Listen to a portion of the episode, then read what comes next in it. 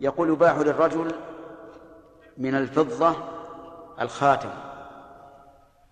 الخاتم هل ال هنا للجنس؟ فيشمل الخاتم والخاتمين والثلاثة والأربعة والخمسة أو أن ال للوحدة. هذا هو الظاهر أن الإنسان يباح له واحد من الخاتم. هذا هو ظاهر كلام المؤلف رحمه الله. والثاني مما يباح طبيعة السيف. طبيعة السيف يعني ما يجعل على رأس السيف من الفضة. والحكمة من ذلك أن فيه إغاظة للعدو. إغاظة للعدو. ولهذا جاز للمقاتل أن يلبس ثوب الحرير وجاز للمقاتل أن يمشي مشية الخيلاء يختار في مشيته بين الصفين صف الكفار والمسلمين لأن في ذلك إيش؟ إغاظة فمفسدة الكبر ومفسدة الترف الحرير يقابلها مصلحة إغاظة الأعداء فإغاظة الأعداء أكبر مصلحة من انتهاك الحرير أو الكبرياء. ويأتي إن شاء الله بقية الكلام على هذا. نعم. إيش؟ إيش؟ نعم. سيأتينا إن شاء الله سيأتينا. نعم. إيش؟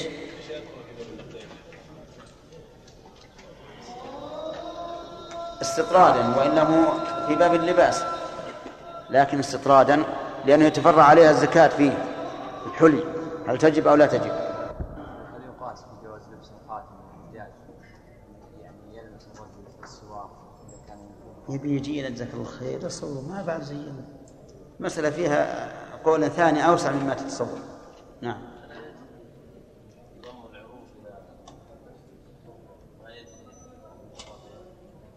لا. ولهذا قلنا ان النصابين الذهب والفضه إذا قصد بهما التجارة كأموال الصيارف يضم بعضها إلى بعض. نعم.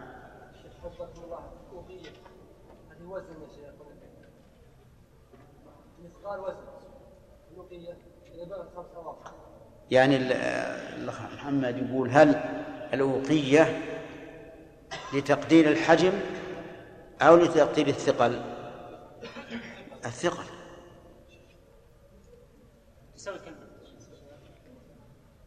خمس أواق. خمس أواق.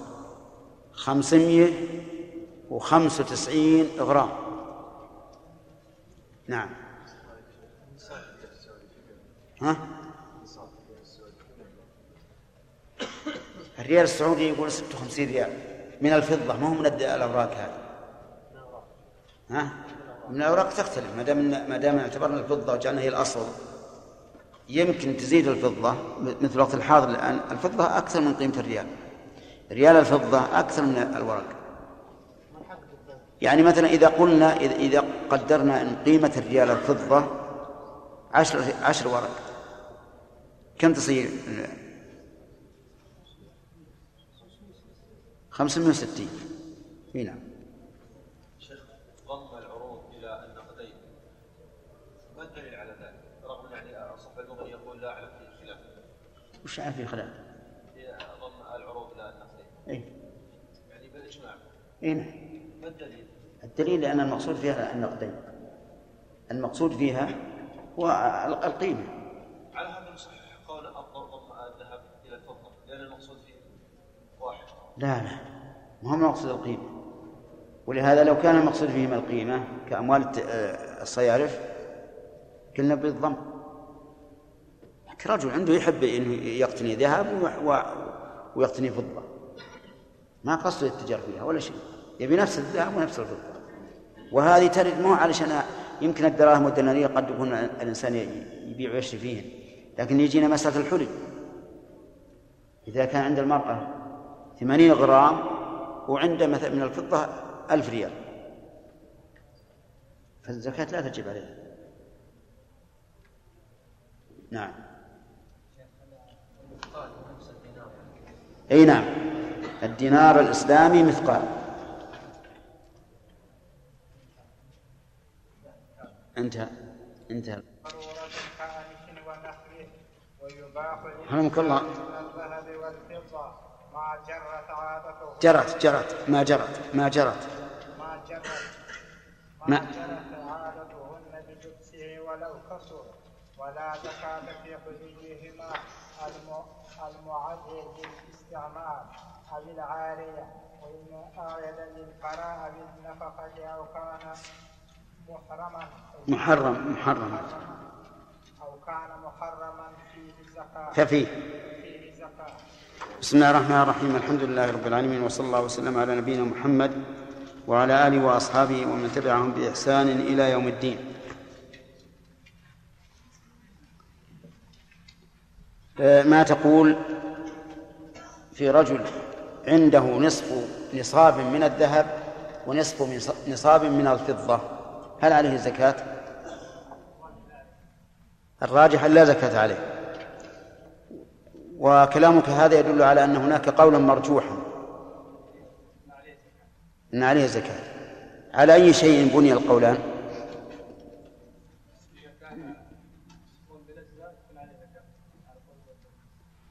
بني القولان على أنه هل يضم الذهب إلى الفضة في تكميل النصاب أو لا يضم. طيب. فإن قلنا يضم. لا لا فإن قلنا يضم هل تجب الزكاة أو لا؟ في تكميل النصاب. وإذا قلنا لا يضم لا تجب الزكاة. صح؟ طيب. الضم هل هو بالأجزاء أو بالقيمة؟ خليل. لا. ليس في كليهما.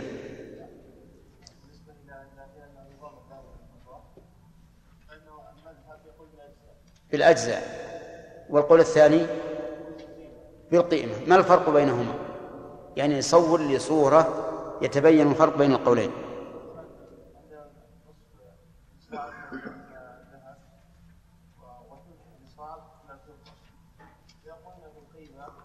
واصبح مقدار الذهب في النصاب هذا يساوي يكمل قيمه قيمه الفضه نصاب يعني يساوي ثلثين نصاب من الفضة.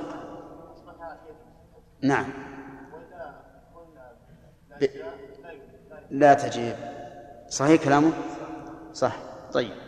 والصحيح أنه لا تضم ما هو الدليل المرجح لهذا القول الصحيح؟ أي نعم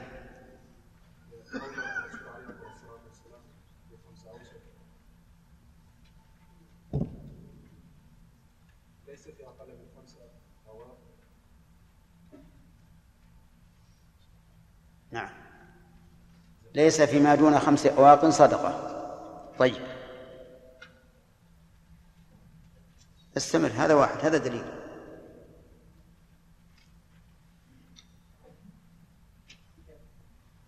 نعم.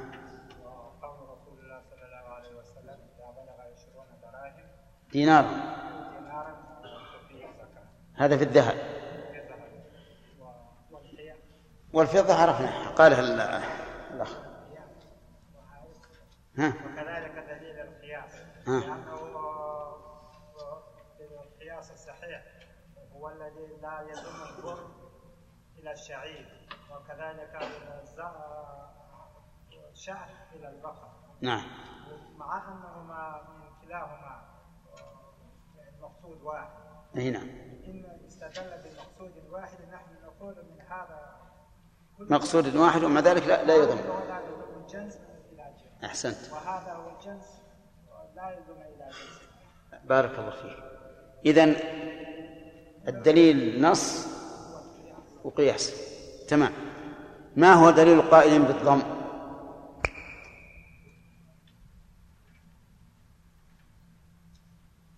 نعم. أجب. ما حضرت الدرس؟ إذا حضرت راجع جزاك الله خير. نعم. أي. والمقصود فيها واحد. طيب. وقد رددنا على هذا القول. قيمة العروض هل تضم إليهما؟ زهير؟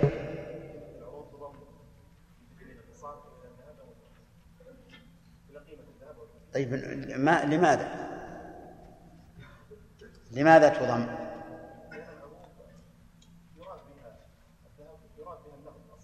صح. لأن العروض لا يراد بها أعيانها بدليل أنها تباع وتشترى يشتريها في الصباح ويبيعها في الآخر في آخر النهار. فتضم قيمة العروض إلى كل منهم طيب رجل يا خالد رجل عنده ثلث النصاب من الذهب وثلث النصاب من الفضة وثلث النصاب من العروض. هل زكاة؟ على قول الراجح. توافقونه؟ ثلث نصاب من الذهب ثلث نصاب من الفضة وثلث نصاب من العروض يقول عليه الزكاة على القول الراجح. ما هي عروض؟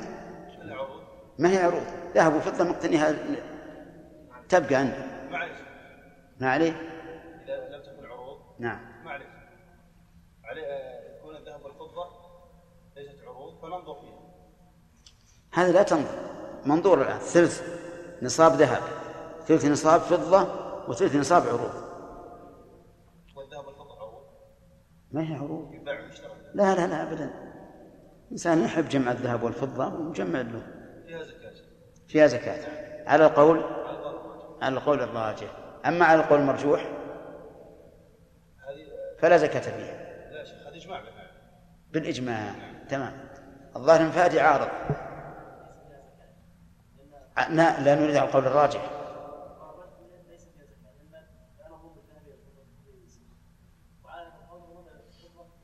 وعلى القول الثاني اللي يقول ضم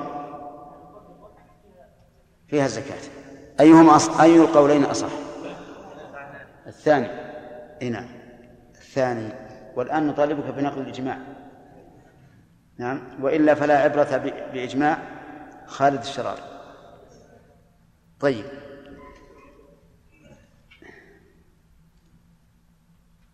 أظن قرأنا ويباح للذكر من فضل الخاتم. هذا مبتدأ الدرس. بسم الله الرحمن الرحيم. قال المؤلف في درس الليلة ويباح للذكر من الفضة الخاتم. الخاتم نائب الفاعل. يعني يباح أي, أب أي أن الله أباح ذلك. وليعلم أنه إذا أضيف أو إذا حذف الفاعل في باب التشريع أو في باب الخلق فإنما يحذف للعلم به لأن الخالق هو الله والمشرع هو الله. فهنا يباح من الذي يبيح ويحرم؟ الله عز وجل. إذن أباح الله له للذكر من الفضة الخاتم. الخاتم لأن النبي صلى الله عليه وسلم اتخذ خاتما من ورق أي من فضة. ومعلوم أن لنا في رسول الله صلى الله عليه وآله وسلم أسوة حسنة.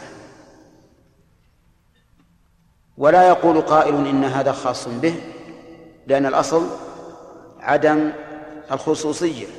فمن ادعى الخصوصية في شيء فعله الرسول صلى الله عليه وآله وسلم فعليه الدليل. طيب إذن يباح له الخاتم.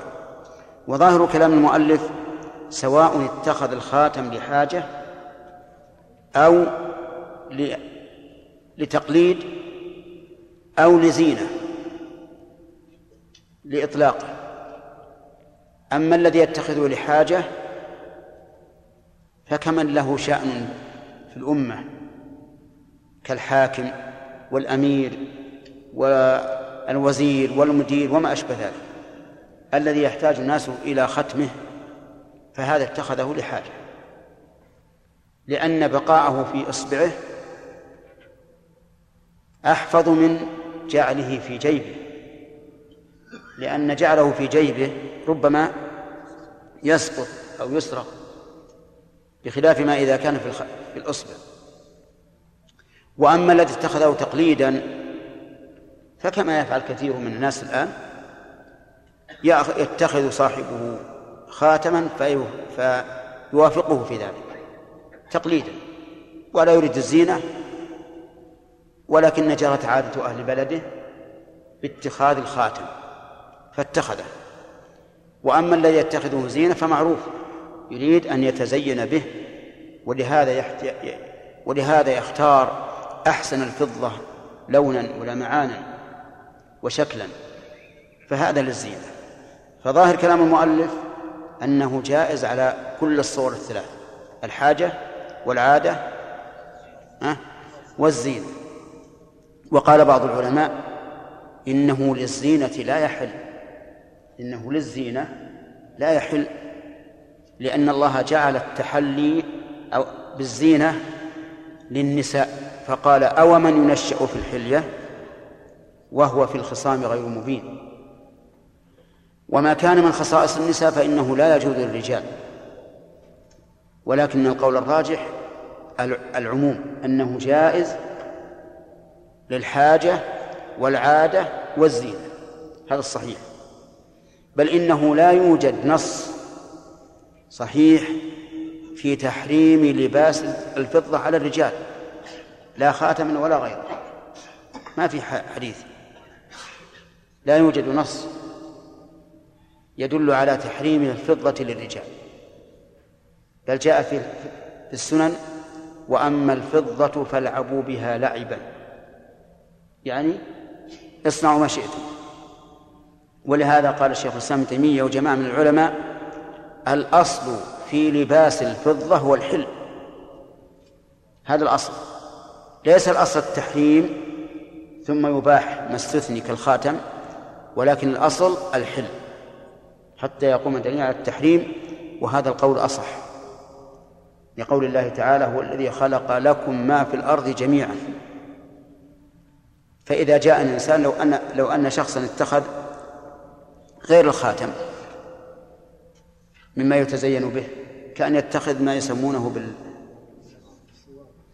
لا لا سوار لا كبك. نعم اتخذه من فضة. لا نقول هذا حرام. على القول الراجح. لأن الأصل الحل. ما في نص عام يدل على تحريم الفضة على الرجال. طيب. أما السوار والقلادة في في العنق وما أشبه ذلك فهذه قد نحرمها من وجه آخر وهو التشبه بالنساء والتخنث. وربما يساء الظن بهذا الرجل. فهذا يحرم لغيره لا لذاته. يحرم لغيره لا لذاته. وقول المؤلف يباح للرجل الخاتم. أفادنا رحمه الله أن اتخاذ الخاتم من الفضة من قسم مباح. يعني ليس حراما. فهل هو مشروع؟ أي هل يسن أن يتخذ الإنسان خاتما؟ الصحيح لا. أن لبس الخاتم ليس بسنة إلا لمن يحتاجه. إلا لمن يحتاجه. لأن النبي صلى الله عليه وآله وسلم لم يتخذه حتى قيل له إن الملوك لا يقبلون كتابا إلا مختوما. فاتخذ الخاتم. فهو ليس بسنة لكن إذا جرت العادة عادة أهل البلد بلباسه فالبس. ولا حرج عليك إذا لم تجري فلا تلبس لأنه يكون لباس شهرة يتحدث يتحدث الناس به.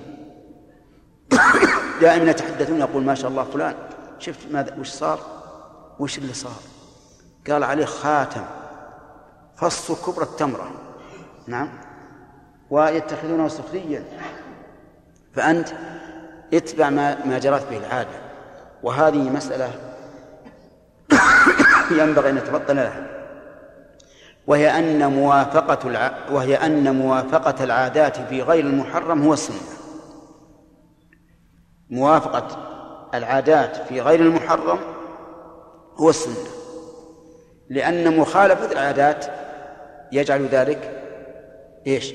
شهرة. والنبي عليه الصلاة والسلام نهى عن لباس الشهرة فيكون منهي عنه. وبناء على ذلك نقول هل من السنة أن يتعمم أن يتعمم الإنسان ويلبس إزارا ورداء؟ نقول إن كنا في بلد يفعلون ذلك فهو من السنة. إذا كنا في بلد لا يألفون ذلك ولا يعرفونه فليس من السنة. طيب فالصحيح في هذه المسألة في مسألة اتخاذ الخاتم أنه ليس بسنة إلا عند الحاجة لكنه مباح. طيب يقول آه، أين يوضع الخاتم؟ أين يوضع؟ هل هو بالخنصر أو البنصر أو السبابة أو الوسطى أو الإبهام؟ عندنا خمسة أصابع ها؟ في الخنصر أفضل. نعم وما هو الخنصر؟ الخنصر الصغير المتضرر ويليه البنصر الوسطى السبابة الإبهام. الفقهاء يقول رحمه الله إن إن الخنصر أفضل. بحث أيضا نسأل هل يسن في اليسار أو في اليمين؟ قال الإمام أحمد اليسار أفضل. لأنه أكثر. ولكن يجوز اليمين والصحيح أنه سنة في هذا وهذا. يعني أن تلبس في اليمين وفي اليسار. كل هذا سواء. لكن بعض العلماء يقول إذا كان قد ختم عليه اسم الله فلا ينبغي أن يكون في اليسار. تكريما لاسم الله ولأنه يحتاج إلى اليسرى في الاستنجاء والاستجمار وحينئذ إما أن يتكلف بإخراج الخاتم وإما أن يستنجي والخاتم عليه وهذا فيه نوع من الإهانة. طيب ويؤخذ من هذه المسألة أن وضع الساعة في اليد اليسرى ليس في اليد اليمنى ليس أفضل من وضعها في اليد اليسرى. نعم. لأن الساعة أشبه ما تكون لأن الساعة أشبه ما تكون بالخاتم. فإذا كانت السنة وردت بهذا وهذا فإنه لا فرق بين أن تضع الساعة باليمين أو الساعة باليسار. لكن أيهما أيسر للإنسان اليسار أو اليمين؟ الصواب اليسار يا أخوان. الصواب اليسار. نعم. نشوف الآن. أيسر بلا شك خصوصا اللي تملى بال بإيش؟ بالزنبة لكن هي قليلة. لكن إذا اللي تملى ما يصح إلا باليسار. لأنك إذا حطيتها باليمين جيت تفركه عكست. وإلا عكست يدك. لكن في اليسار أيسر. لكن يقول الأخ عبد الرحمن الآن ما فيه زنبلة الآن اقتلوني. نقول هي أيضا أسهل بالنظر. النظر لها. ثم هي أسلم في الغالب. لأن الغالب أن اليمنى أكثر حركة. فهي أسلم. على كل حال هذه تعليلات تمشي حالة لكن أهم شيء أن لا نقول إن من السنة أن تلبسها في اليمين. نقول الأمر في هذا واسع والسنة جاءت باليمين واليسار في الخاتم وهي أشبه شيء به. لا ما في مخالفة أكثر المسلمين الآن على أنهم يلبسون في اليسار. أكثر المسلمين. نعم. طيب. يباح له أيضا. نعم. آه. الأصبع الخنصر والبنصر. الخنصر والبنصر هذا الأفضل. والخنصر أفضل.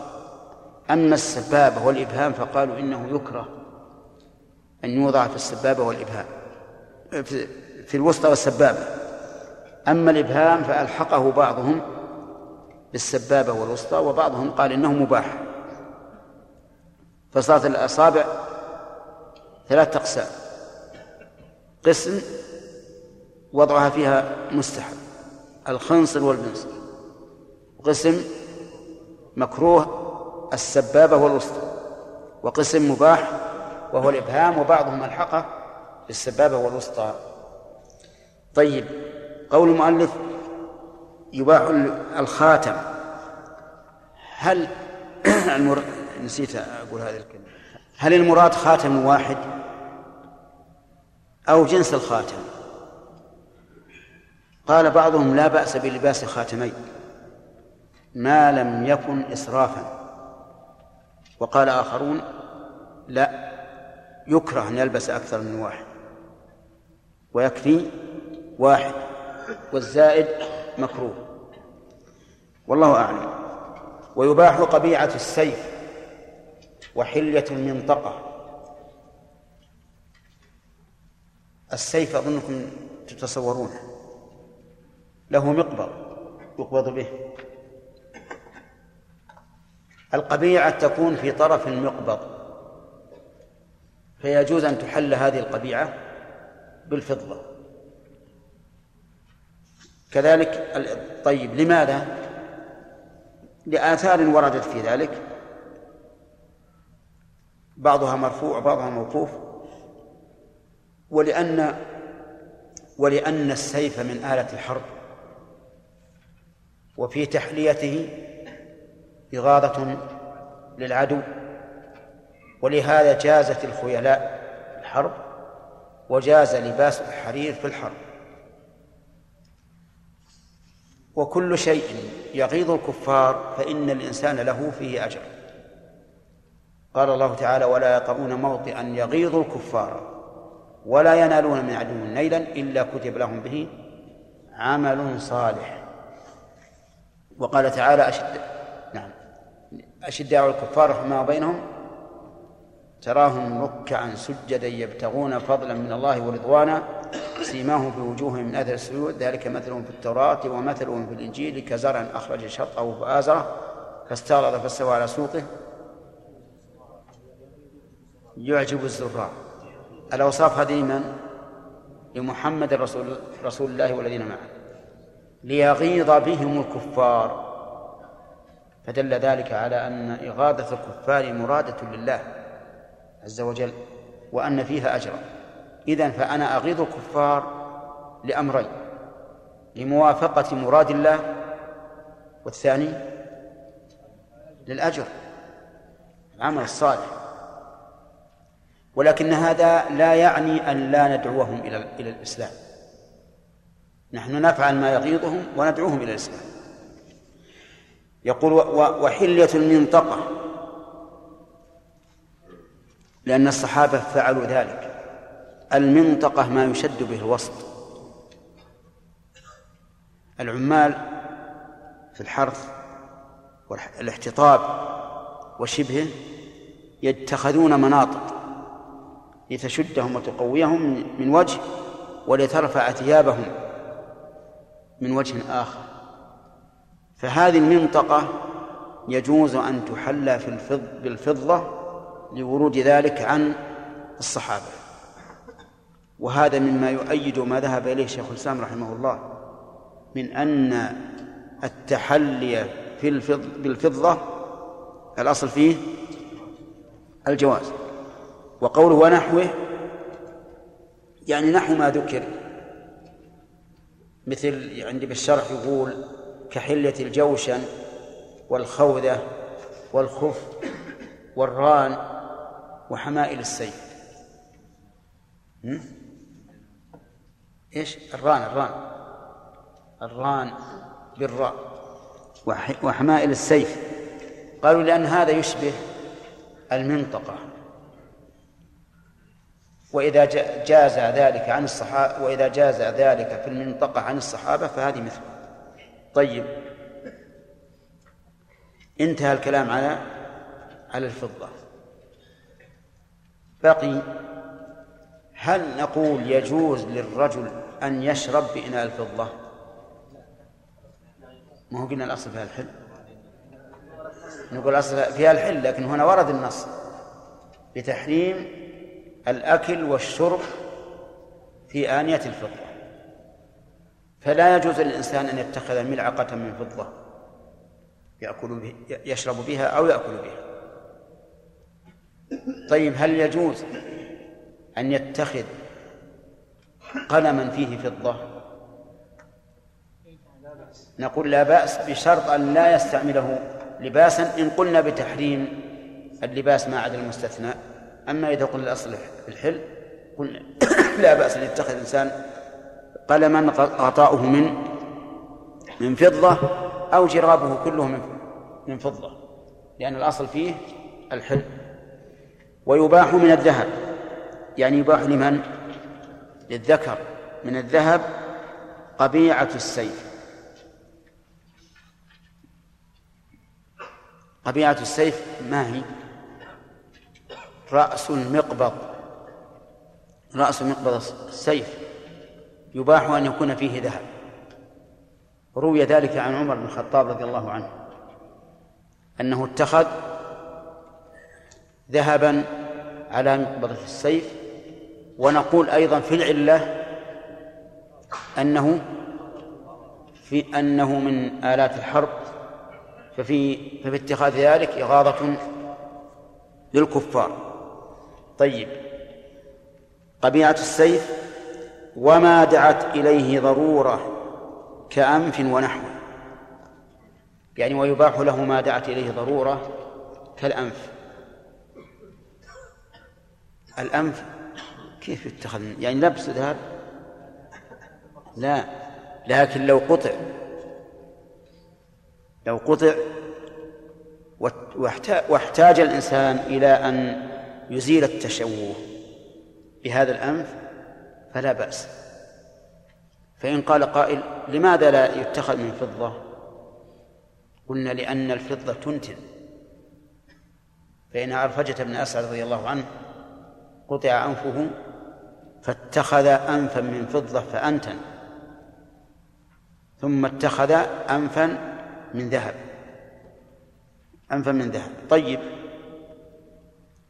وهل يشترط أن أن يضطر إلى الذهب؟ بمعنى أنه لو أمكن أن يركب غير الذهب حرم عليه الذهب؟ قول المؤلف ما دعت إليه ضرورة. يقتضي أنه لا بد أن نضطر إلى نفس العين إلى عين الذهب. لا إلى وضع الأنف إلى عين الذهب وبناء على ذلك. فإنه في وقتنا الحاضر يمكن أن يقوم مقامه شيء آخر. الآن يفعلون عمليات ينقلون من بعض أجزاء الجسم شيئا يضعونه على الأنف يكون كلام في الطبيعي من اللحم وهذا أحسن من كونه من ذهب.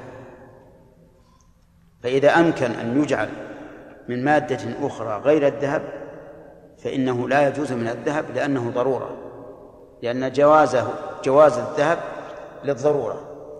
وقول المؤلف ونحوه مثل السن. رجل انكسر سنه واحتاج إلى رباط من الذهب أو إلى سن من الذهب فإنه لا بأس به.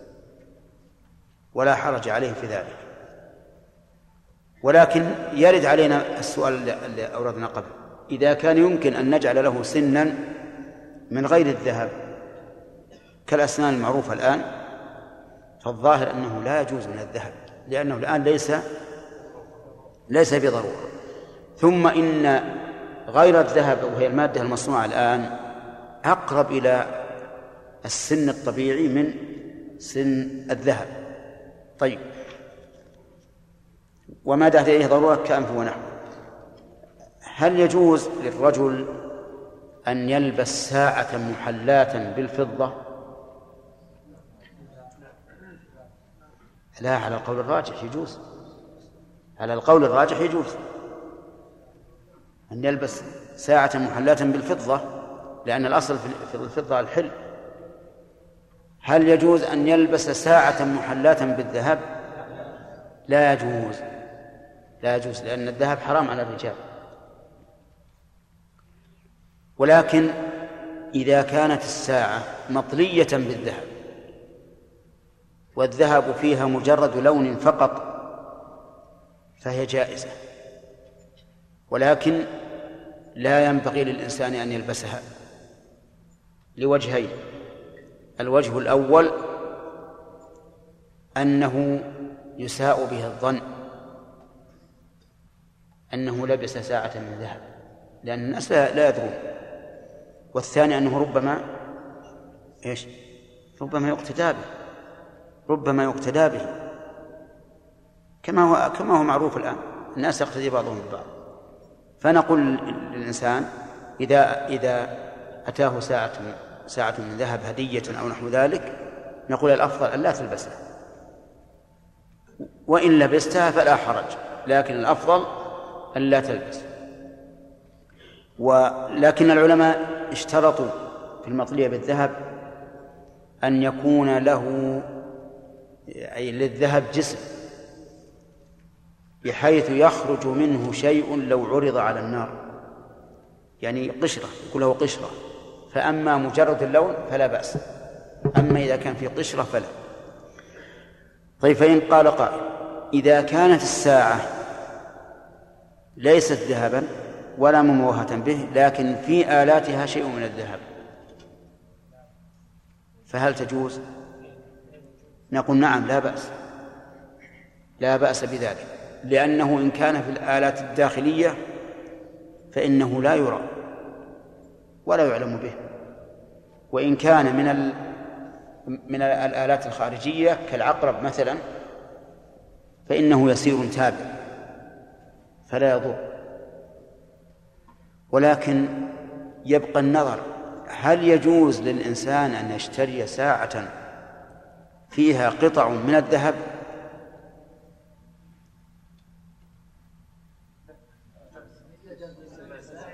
إن قلتم لا قلنا لا.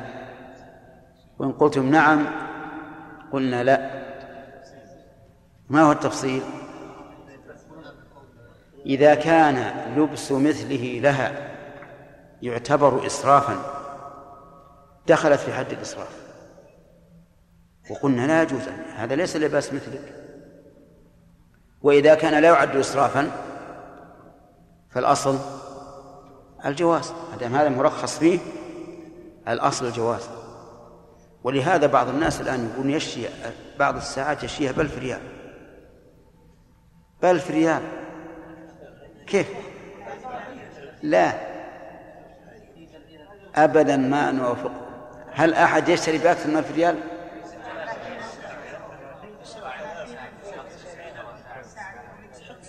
تسعة عجيب. وش يقول يا فهد؟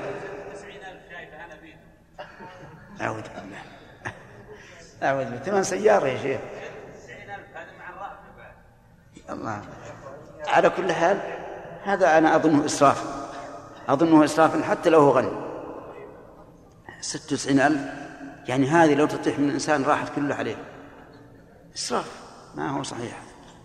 المهم على كل حال الآن خلونا مع الوسط وسط الناس.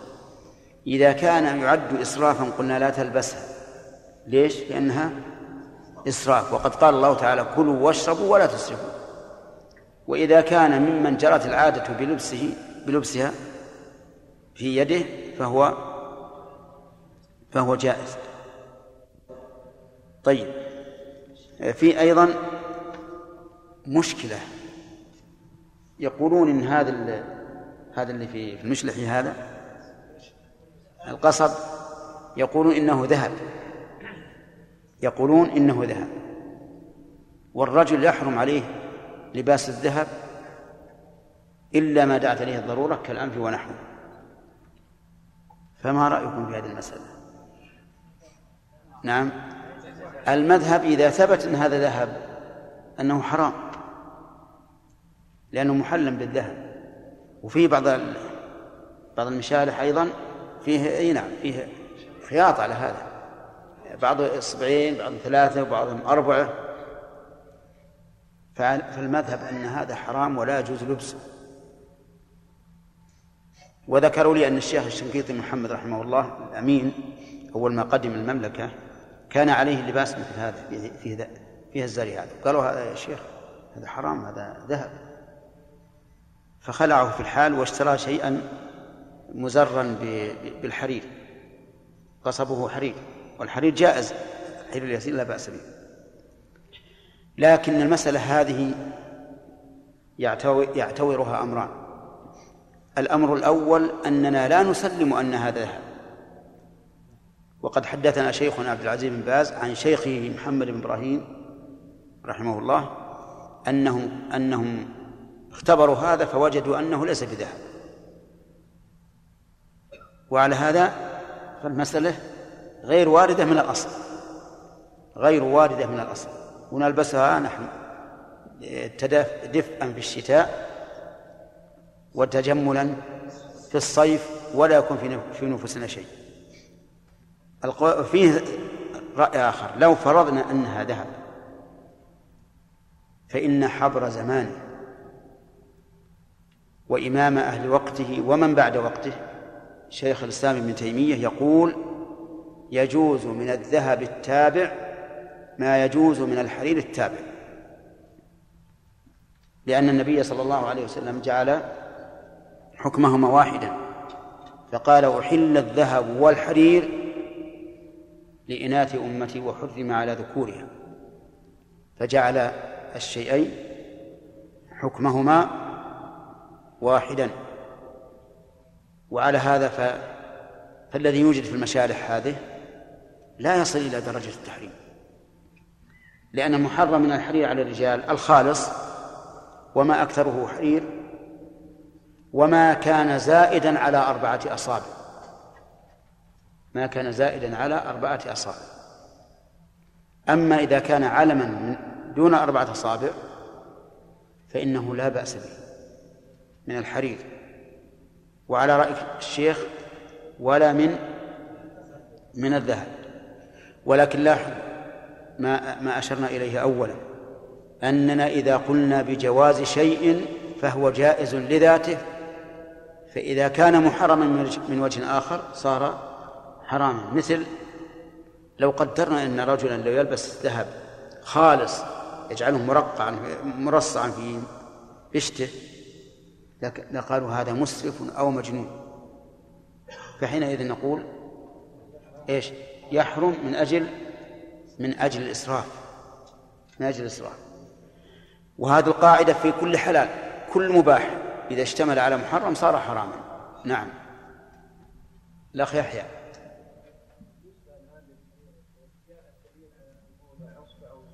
نعم. أي نعم. شيخ الإسلام قاسه قاسه عليه.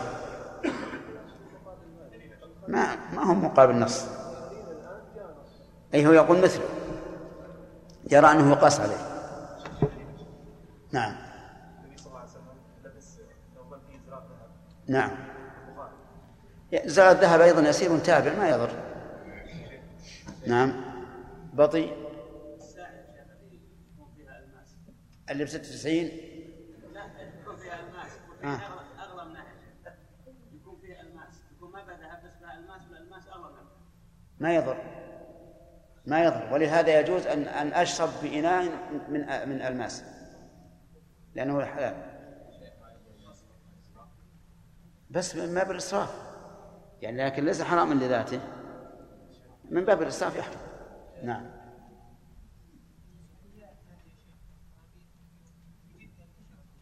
وش هي؟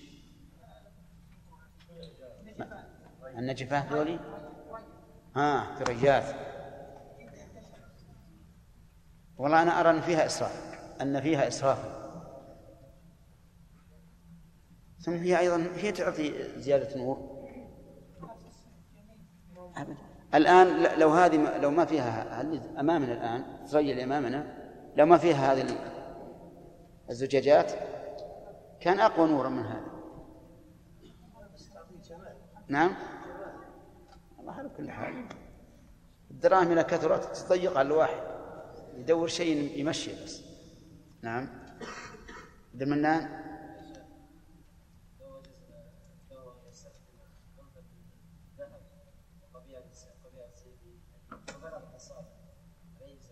بيجينا إن شاء الله. موقفين عليه. نعم.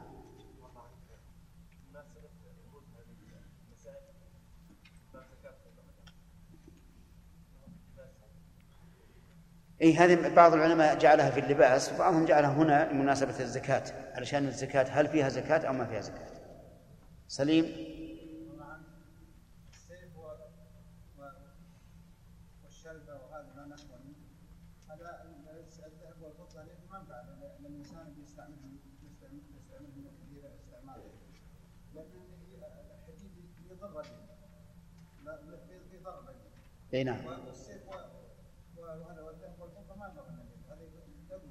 نعم.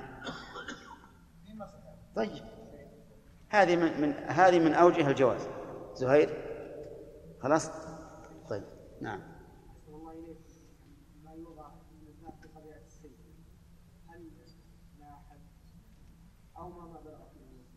مهما بلغت من شرط أن أن لا تكون اسرافا وعن عن الامام أحمد رحمه الله رواية تقيده باليسير.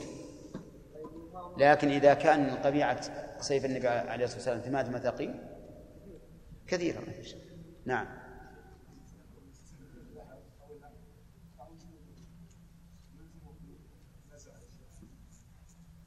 سؤال يقول إذا استعمل أنفا من ذهب أو سنا من ذهب مع وجود البديل هل نلزمه بخلعه؟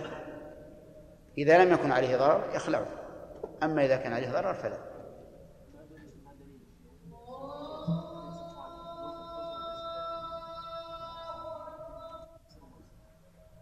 فعل الرسول عليه الصلاة والسلام. إيه؟ مجرد الفعل يدل على السنية ولا يدل على الوجوب. ها؟ فراش الحرير. للرجال لا يجوز. وللنساء فيه قولان للعلماء. فمنهم من قال إنه يجوز لعموم حل الذهب والحرير لإناث أمته. ومنهم من قال لا يجوز والذي يظهر لي أنه لا يجوز ان تفترش المرأة الحرير لأن هذا لا يتعلق بلباسها الذي أبيح لها فيه الحرير من أجل التجمل للزوج ها.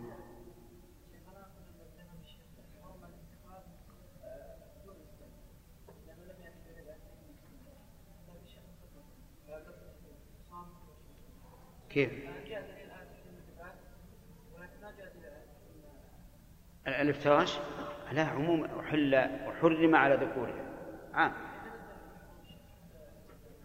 حتى إيش؟ إي نعم. يحرم حتى استعمال الذهب على الرجال؟ إي نعم. لكن شيخ الإسلام يقول ما دام أبيح من من الحرير مقدار أصابع أربعة أصابع فما دون وما كان يسيرا تابعا فهذا مثله. هو يستعمل الآن. يستعمل ال- يستعمل يستعمل الآن الشرب حرام على الرجال والنساء الذهب والفضة واللباس يجوز للمرأة الذهب والحرير ولا يجوز للرجل وش مثل إيش؟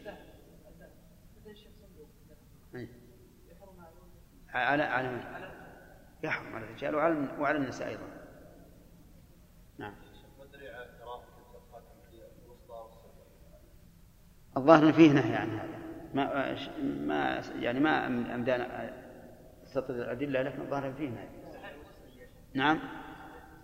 نعم.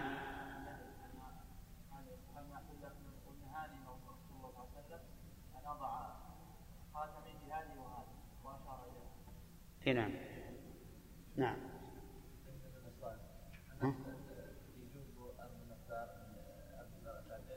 الحرير هناك ناس اخر ما حرم قد كثيره فقد حرام لماذا نجعل الذهب تابع لهذا ولا نجعل أه، سمعتم؟ يقول الخمر ما حرم كثيره فقليله حرام. إيه المسكر حرام فقليله حرام. هكذا تقول؟ هذا هذا الذي تريد؟ هذا الذي تريد أنت. حرام إيه. إلا ما استثني إلا ما استثني كيف- لماذا نجعل الذهب تابع التحريم ولا نفي المنع؟ هو يقول الشيخ الإسلام يقول لأن الباب واحد. الباب واحد. قال أحل الذهب والحرير لإناث أمتي وحرم على ذكور كذا؟ مو ظاهر العموم؟ أبيح من الحرير ما كان تابعا. كأربعة أصابع من الجون وكالزرار من الحرير وشبه. قال هذا مثله. قياسا لماذا لا نفي تحت هذا الحديث؟ أي ما هو هذا؟ ما هو بحديث هذا ما أسكر كثير فقليل حرام في السلف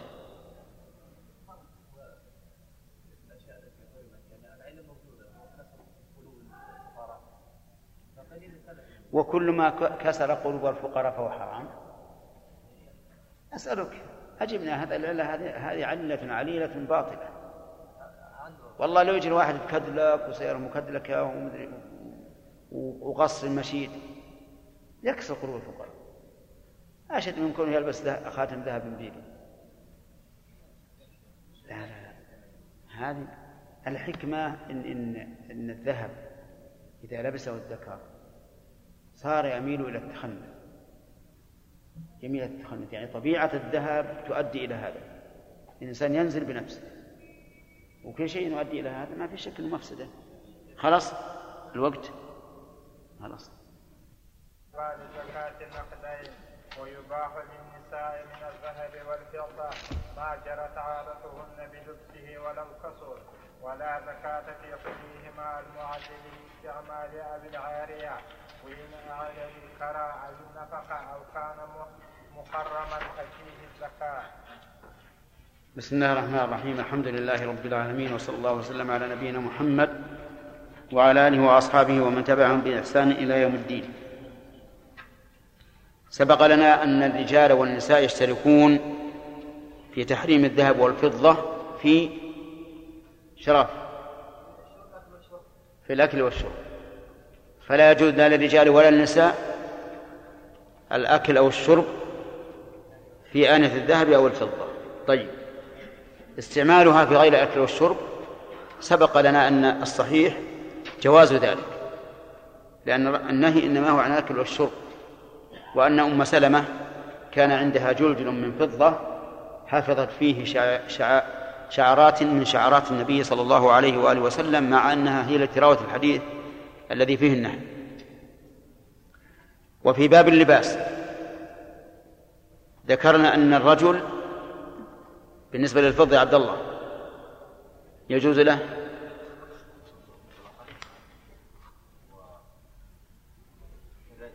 ذكرنا في ذلك قولين. ما هما لا. نعم ناصر. قول لولا انه يباح للرجل لبس الفضه فيما دل عليه الدليل الاصل التحريم نعم والقول الثاني انه الاصل الاباحه الا ما دل على الدليل على التحريم تمام. هذا هو الصحيح. هذا الثاني هو الصحيح. لأن ما فيه أدلة على هذا. بالنسبة للذهب يا خالد. نعم يحرم على الرجل لباس الذهب الخالص ويباح للمرأة. طيب. ما هو الحكمة في التفريق بينهما؟ قل يا أخي. أي نعم. في التفريق بين الرجل والمرأة في جواز لباس الذهب للمرأة دون دون النساء دون الرجال. ما هي الحكمة؟ ما هو الدليل.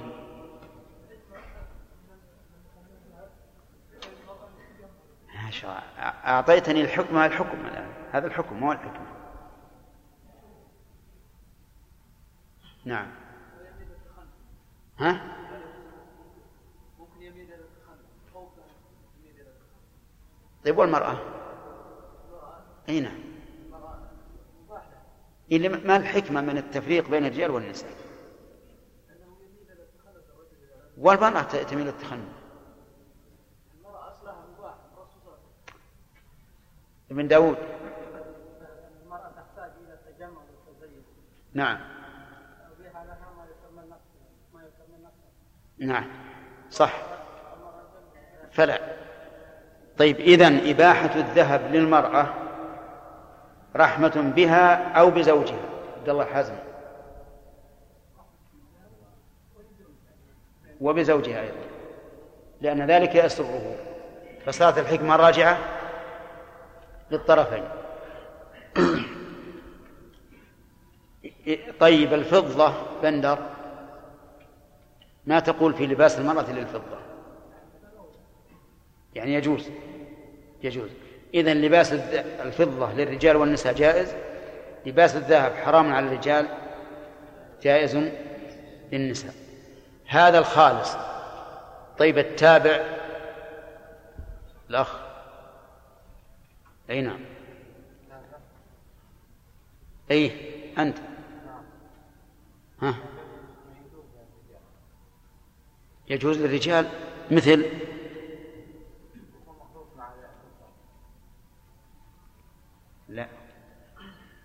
خالد. قول واحد ولا في خلاف؟ نعم. والقول آه، قول لا يجوز للضرورة وقال آخر يجوز؟ إذا كان يسيرا تابعا. طيب. الذين قالوا بالجواز زهير في اليسير التابع ما دليله؟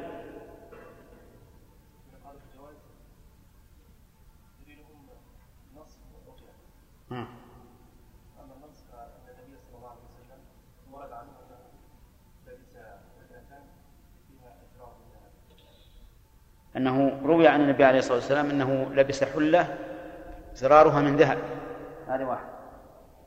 وقياس؟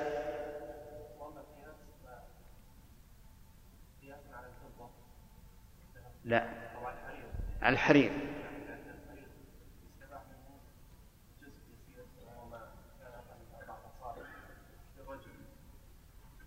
أربعة أصابع فما دون.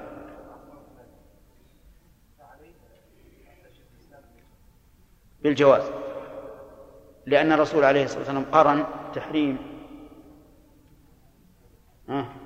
الذهب والحرير في حديث واحد. أحل الذهب والحرير لإناث أمتي وحرم على ذكورها. طيب.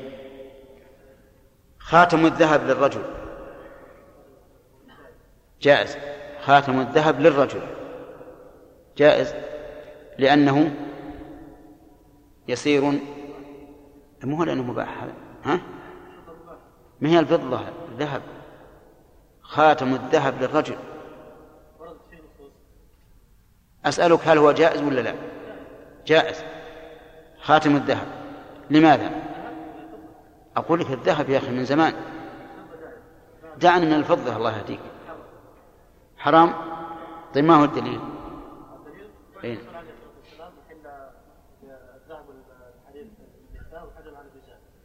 طيب لكن إذا قال قائل هذا يسير تابع؟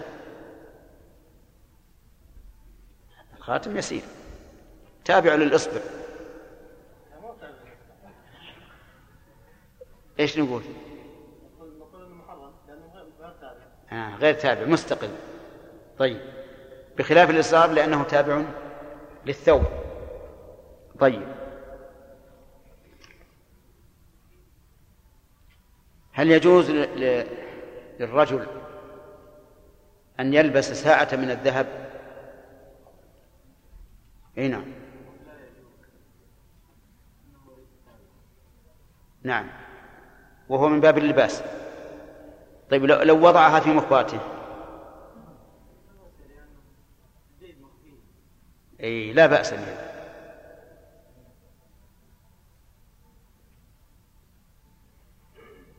عجيب. لا بأس بها ما دامت مهي ملبوسة لا بأس بها طيب. يلا هداية الله. يقول المؤلف إنه يجوز من الذهب قبيعة السيف. ما هي قبيعة السيف؟ قبيعة السيف رأسه. آه إذا مقبض السيف. محل قبضة اليد. لأن رأسه آخر ما هو آخر. طيب. دليل. لأنه يغيظ الكفار قال له تبارك وتعالى. هذا تعليل هذا. تعديل والثاني الذي يعني يجوز فضة مطلقة. استعمال الفضة مطلقة الأصل في حل كيف؟ ما هي فضة. ذهب. الذهب؟ اي ذهب. قبيع السيف من ذهب. لأنه قال الله تبارك وتعالى ها. يغيظ هذه تعليل. العلة يغدر الكفار لكن ما هو الدليل على المسألة هذه؟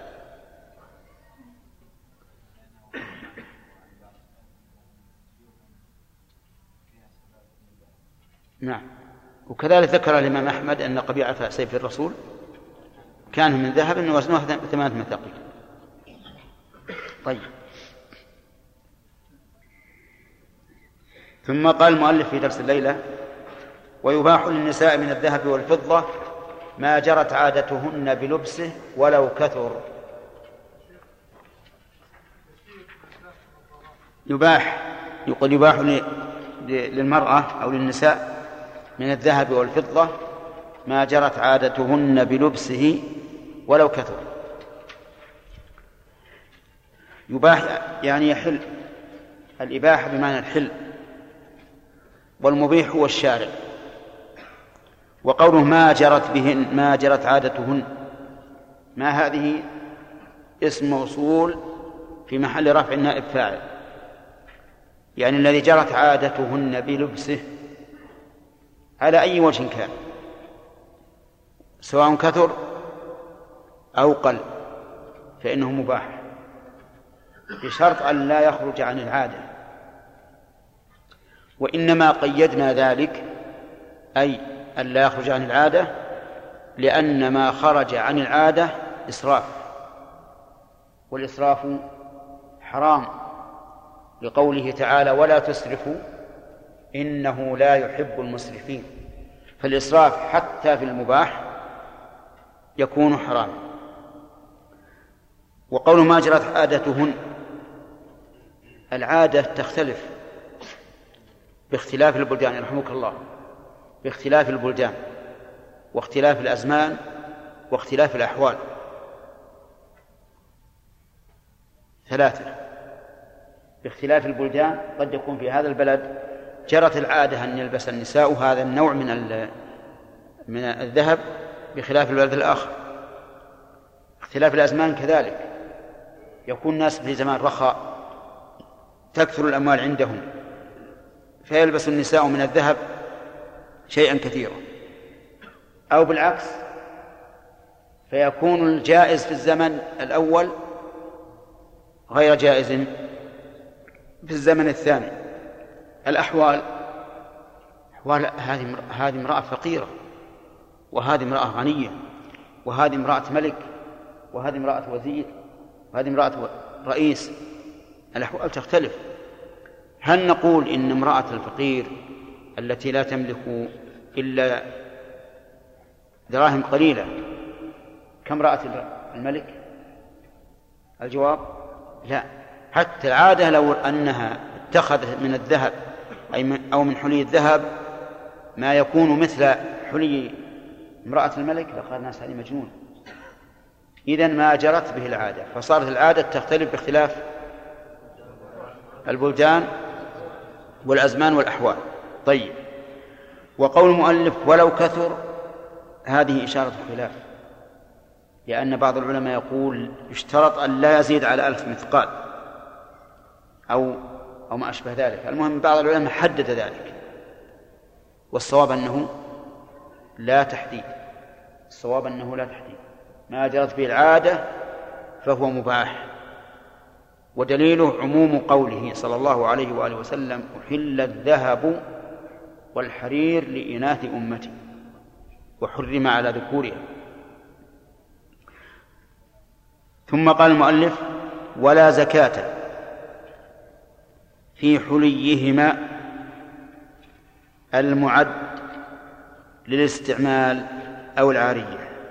فيه جملة في الشرح يعني ينبغي أن نتعداها. يقول ويباح لهما أي الذكر والأنثى تحل بجوهر ونحوه مثل الماس. نعم. وكره تختمهما بحديد. وصفر ونحاس ورصاص. أما الأول الإباحة فواضح دليلها عموم قوله تعالى هو الذي خلق لكم ما في الأرض جميعا. واللام في قوله خلق لكم اللام للتعليل. وإذا كان مخلوقا من أجلنا فلا بد أن يكون مباحا لنا. أفهمتم؟ أفهمتم الآن أن اللام للتعليل؟ أو للإباحة؟ للتعليل. لأن التعليل يستفاد منه الإباحة ويستفاد منه زيادة وهي رحمة الله بالخلق وأنه خلق لنا من أجلنا ما في الأرض من المنافع. فالتعليل في الآية أولى بلا شك من القول بأنها للإباحة. لكن قوله تعالى فإن تبتم فلكم رؤوس أموالكم إن تبتم فلكم رؤوس أموالكم. هذه اللام للإباحة لا شك. يعني فيباح لكم رؤوس أموالكم في الربا. أما قوله كره تختمهما بحديد فهذا موضع خلاف بين أهل العلم. فمنهم من قال إنه حلال. لقول النبي صلى الله عليه وآله وسلم التمس ولو خاتما من حديد والحديث الصحيحين. ومنهم من قال إنه مكروه لأن رجلا جاء إلى النبي صلى الله عليه وآله وسلم وعليه خاتم من شبه فقال أما إني أجد منك ريح الأصنام. فطرحه ثم جاءه جاءه وعليه خاتم من حديد فقال ما لي أرى عليك حلية أهل النار؟ فطرحه. قال الخطابي أي زي الكفار وهم أهل النار.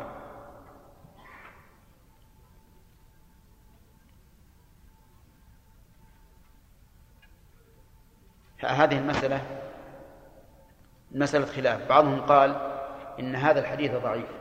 وشاذ. لأنه مخالف لما هو أوثق منه. ما هو الأوثق؟ ما في الصحيحين. التمس ولو خاتم من حديد.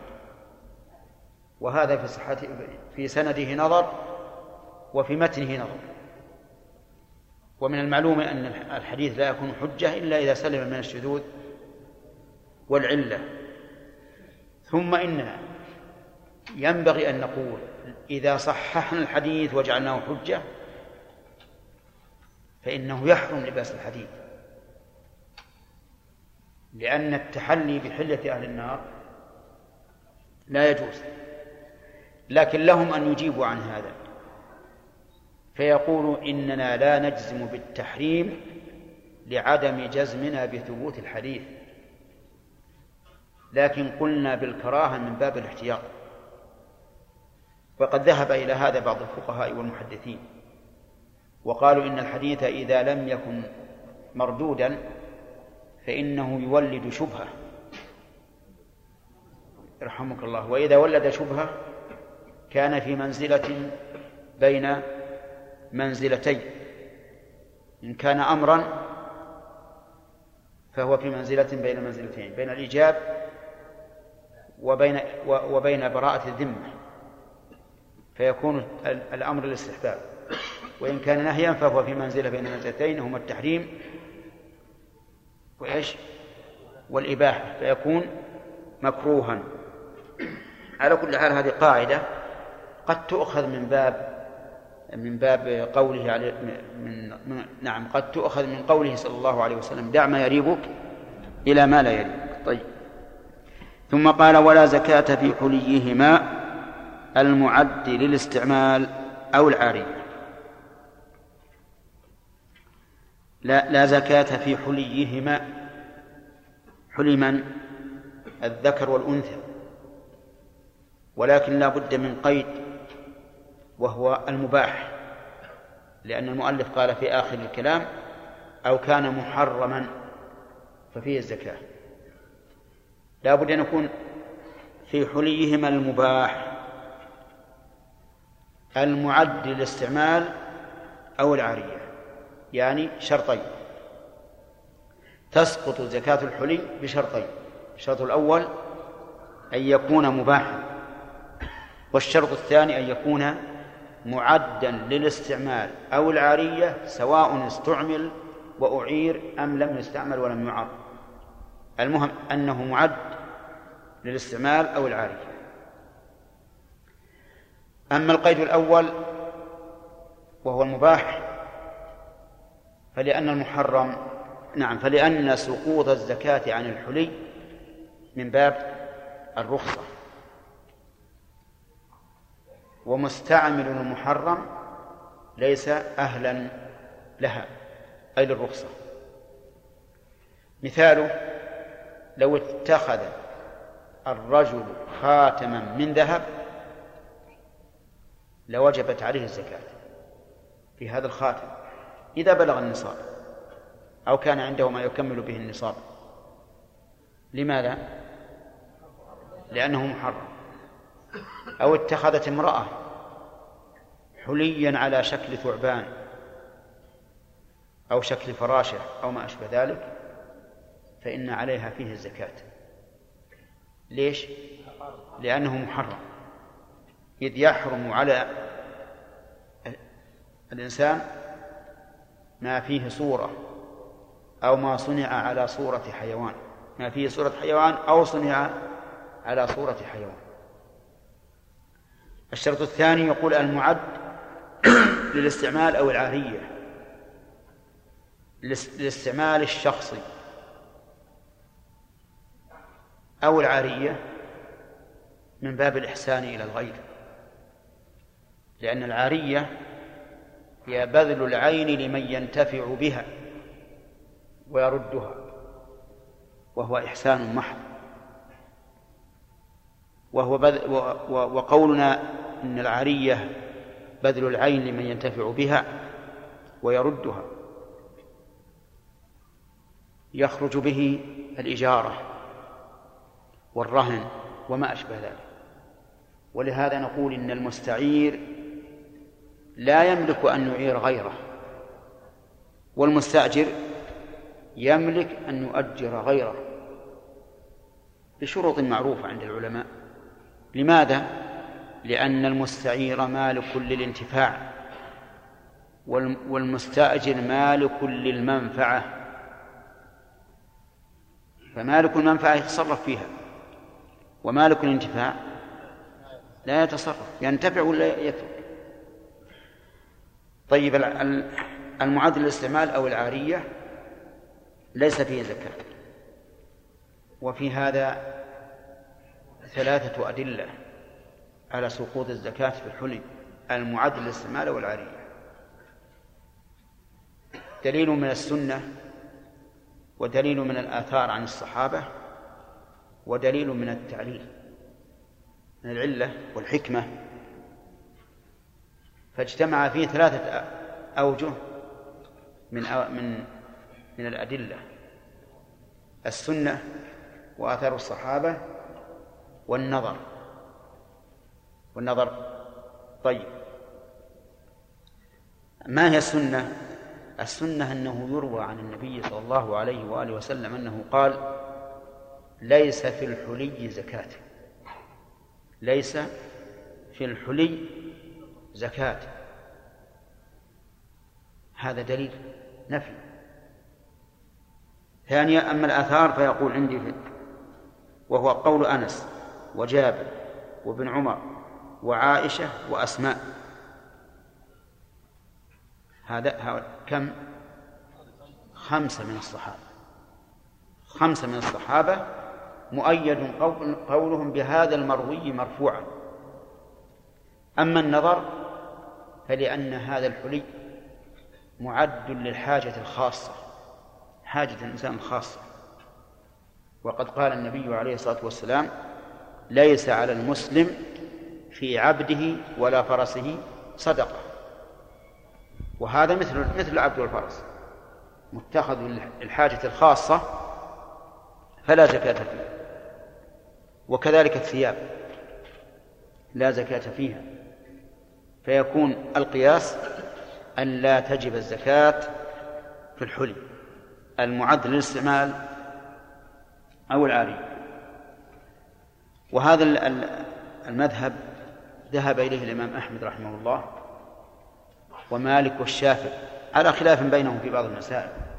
لكن في الجملة اتفقوا على عدم وجوب الزكاة في الحلي المعد للاستعمال أو العاري. وعن الإمام أحمد رواية أخرى أن أن الزكاة واجبة في الحلي وهو مذهب أبي حنيفة. واستدل هؤلاء بحديث بل بأعدة أحاديث مرفوعة إلى النبي صلى الله عليه وآله وسلم. منها ما رواه أبو هريرة عن عن النبي صلى الله عليه وسلم أنه قال ما من صاحب ذهب ولا فضة لا يؤدي منها حقها إلا إذا كان يوم القيامة صفحت له صفائح صفائح من نار وأحمي عليها في نار جهنم فيحكوى بها جنبه وجبينه وظهره كلما بردت أعيدت. في يوم كان مقداره خمسين ألف سنة حتى يقضى بين العباد. ثم يرى سبيله إما إما إلى الجنة وإما إلى النار. وهذا عام ما من صاحب ذهب ولا فضة. والمرأة التي عندها الحلي سواء حلي فضة أو ذهب صاحب الذهب أو فضة. فهذا العموم يشمل الحلي وغير الحلي. ومن قال إن الحلي خارج فعليه الدليل وقد ذكرت الأدلة ولكن سيجيب عنها أهل هذا القول. واستدلوا أيضا بما رواه أهل السنن. عن عمرو بن شعيب عن أبيه عن جده أن امرأة أتت إلى رسول الله صلى الله عليه وآله وسلم فقالت ومعها ابنة لها وفي يد ابنتها مسكتان غليظتان من ذهب. فقال أتؤدين زكاة هذا؟ قالت لا. قال أيسرك أن يسورك الله بهما سوارين من نار. فخلعتهما وألقتهما إلى النبي صلى الله عليه وآله وسلم. وهذا الحديث له شاهد في الصحيح وهو ما أشرنا إليه وما ذكرناه أولا وله شاهد أيضا في غير الصحيح من حديث عائشة وأم سلمة رضي الله عنهم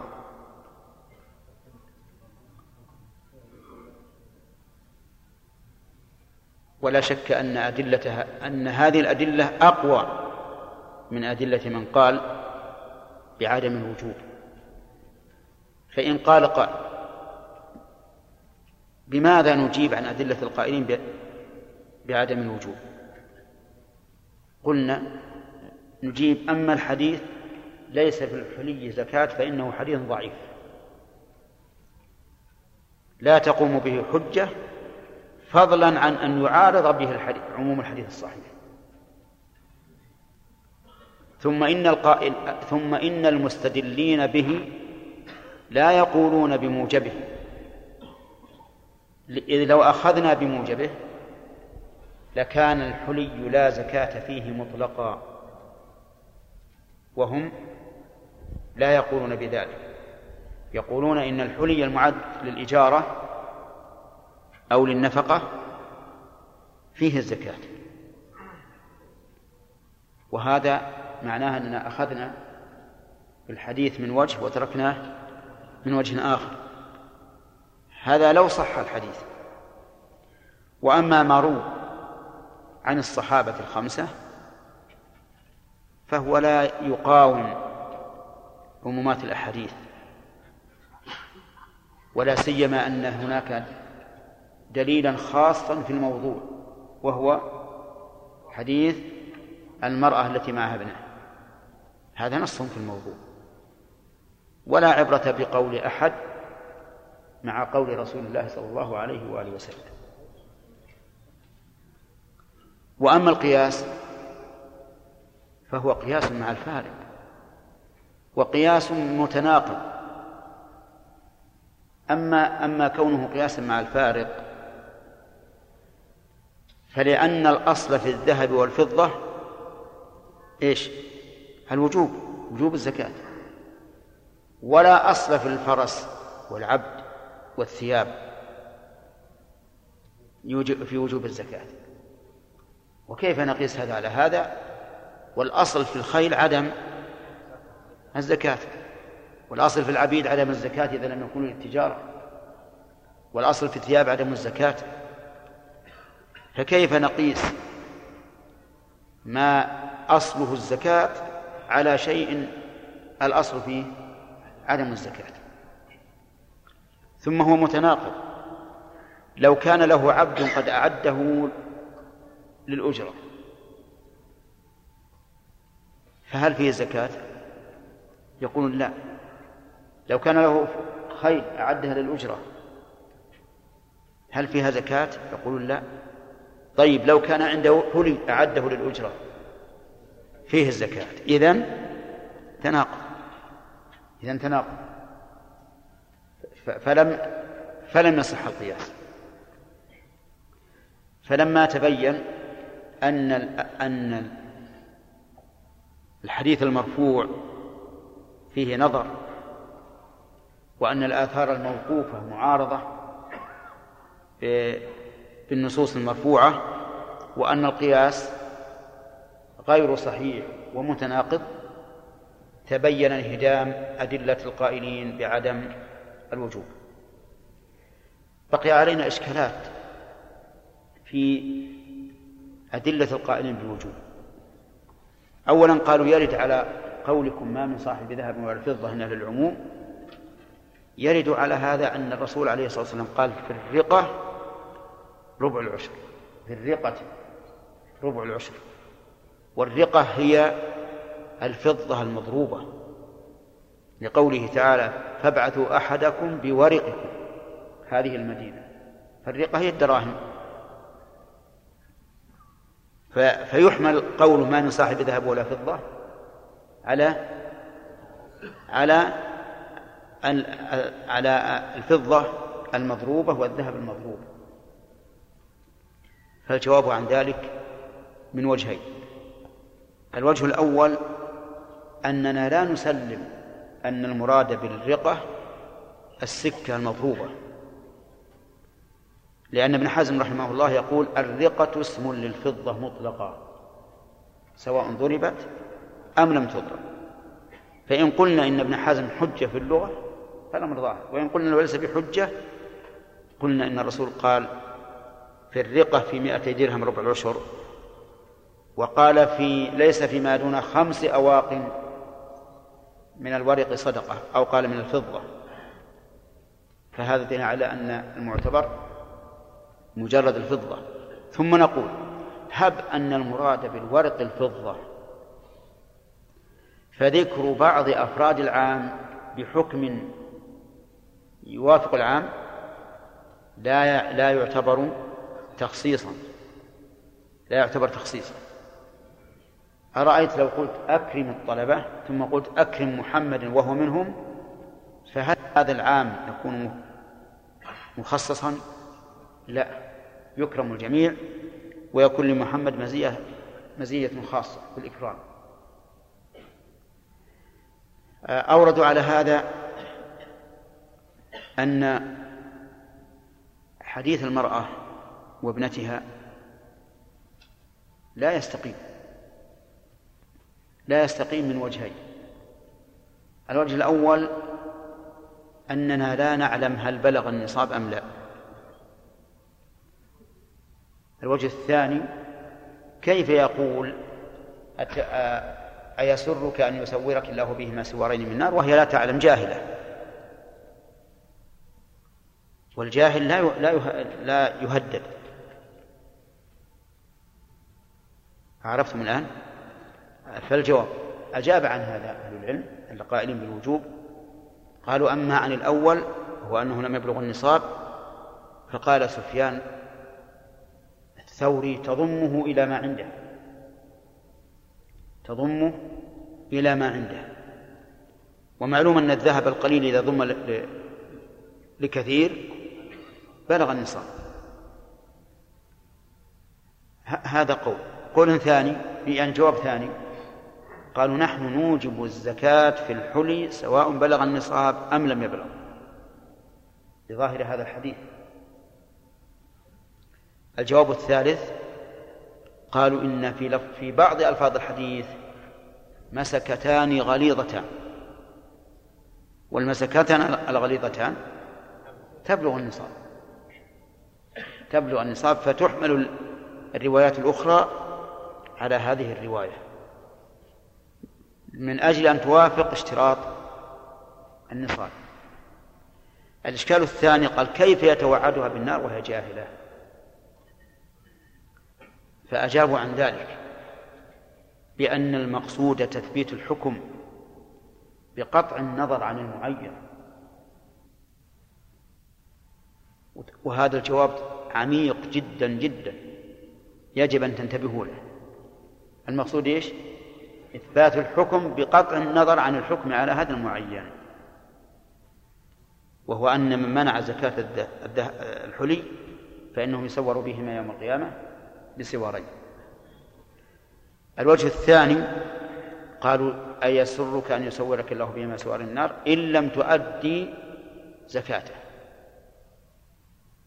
فيكون الحديث على تقدير شرط معلوم من الشريعة وهو أن الوعيد إنما هو على من؟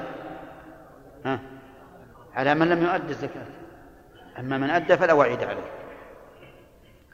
لكن الوجه الأول اللي قلت لكم إنه عميق مهم جدا وهو أن مراد إثبات الحكم بقطع النظر أو بغض النظر عن هذا المعين. ومنه يعني من أمثلة هذا القاعدة المفيدة أن النبي صلى الله عليه وسلم مر على رجلين في البقيع أحدهما يحشم الآخر. فقال النبي صلى الله عليه وآله وسلم أفطر الحاجم والمحجوم. أفطر الحاجم والمحجوم. يقول ابن القيم رحمه الله إنه أورد على شيخه شيخ الإسلام تيمية قال كيف نقول إن الجاهل لا يفطر؟ والرسول عليه الصلاة والسلام قال أفطر الحاجم والمحجوم. فأجابه الشيخ رحمه الله قال هذا المراد به إثبات الحكم بقطع النظر عن هذين الشخصين المعينين. فإذا ثبت الحكم نظرنا عاد في الشخص المعين وطبقنا عليه شروط لزوم مقتضى هذا الحكم. وهذه في الحقيقة قاعدة مفيدة لطالب العلم. لأن الشرع ليس شرعا لزيد وعمر فقط بل للأمة جميعا بل للأمة جميعا. وهذه المسألة نرجع إلى مسألة الحلي وزكاته. هذه المسألة اختلف فيها الناس كثيرا. وظهر الخلاف في الآونة الأخيرة حيث كان الناس في نجد. وأظن حتى في الحجاز لا يعرفون إلا المشهور من مذهب الإمام أحمد وهو عدم وجوب الزكاة. والناس سائرون على هذا. ثم لما ظهر القول بوجوب الزكاة في الحلي على يد شيخنا عبد العزيز بن باز رحمه الله ووفقه وأعانه صار طلبة العلم يبحثون في هذه المسألة. وينظرون فيها بجد وكثر القائلون بها. كثر القائلون بها وشاعت والتزم ولله الحمد الناس بهذا القول. إلا من كان عنده شيء من التقليد أو من قرأ بعض الرسائل التي ألفت أخيرا في تأييد القول بعدم الوجوب ولكن من تدبر هذه الرسائل وجد أنه ليس فيها ما يدل على نفي الوجوب. وسنقرأ إن شاء الله في الدرس القادم الرسالة الصغيرة التي ألفناها في وجوب زكاة الحل من أجل مناقشتها والإنسان إن شاء الله مراده الحق. وربما نقول إننا نحب, نحب أن نخفف عن الناس. يعني لو خيرنا بين قولين قول يثقل على الناس وقول يخف عليهم لاخترنا ما يخف عليهم إلا إذا خالف الدليل. نعم.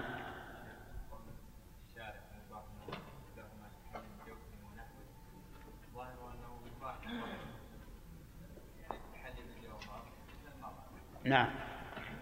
لا لا. المماثلة ما يجوز للرجل أن يتحلى بما بما يماثل تحلي المرأة. مأخوذ من من كلام آخر. أنه لا يجوز للرجل أن يتشبه بالمرأة ولا المرأة أن تتشبه بالرجل.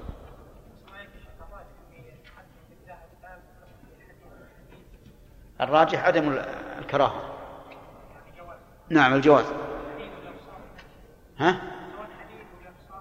إي نعم نعم.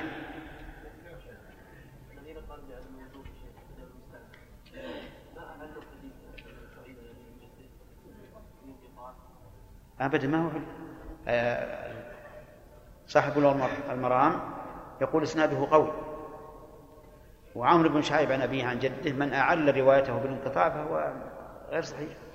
يعني الأئمة كالبخاري وأحمد بن حنبل ويحيى بن معين وغيرهم كلهم يحتجون به. نعم. حتى أن بعض العلماء بعض المحدثين قال إذا صح السند إلى عمرو فإن عمرو بن شعيب عن أبيه عن جده كمالك عن نافع عن ابن عمر. يعني أنه سلسلة سلسلة الذهب. لكن هذه مبالغة.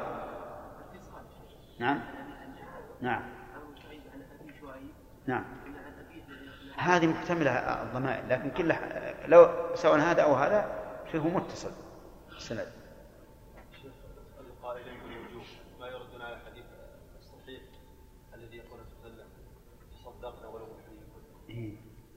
ما في. ما في دليل. لو كان في زكاة ما لا. لأن لأن الحلي هذا المفروض أنه مزكى. وأن الباقي بأيديهم قد يدي الزكاة. هذا هو المتوقع من الصحابة. ثم إنه لو قلت مثلا تصدق ولو مما أعددته لنفقتك من الدراهم. من الدراهم. والدراهم تبلغ النصاب. هل معنى ذلك أن الدراهم ما فيها زكاة لأن قلت ولو من دراهم؟ أجب. فيها زكاة. هذه الحلي فيه زكاة. وهذا لا يدل على سقوط الزكاة. المعنى حتى من حاجاتكن الخاصة تصدق. كمال البلاغة لو كان في زكاة إيه؟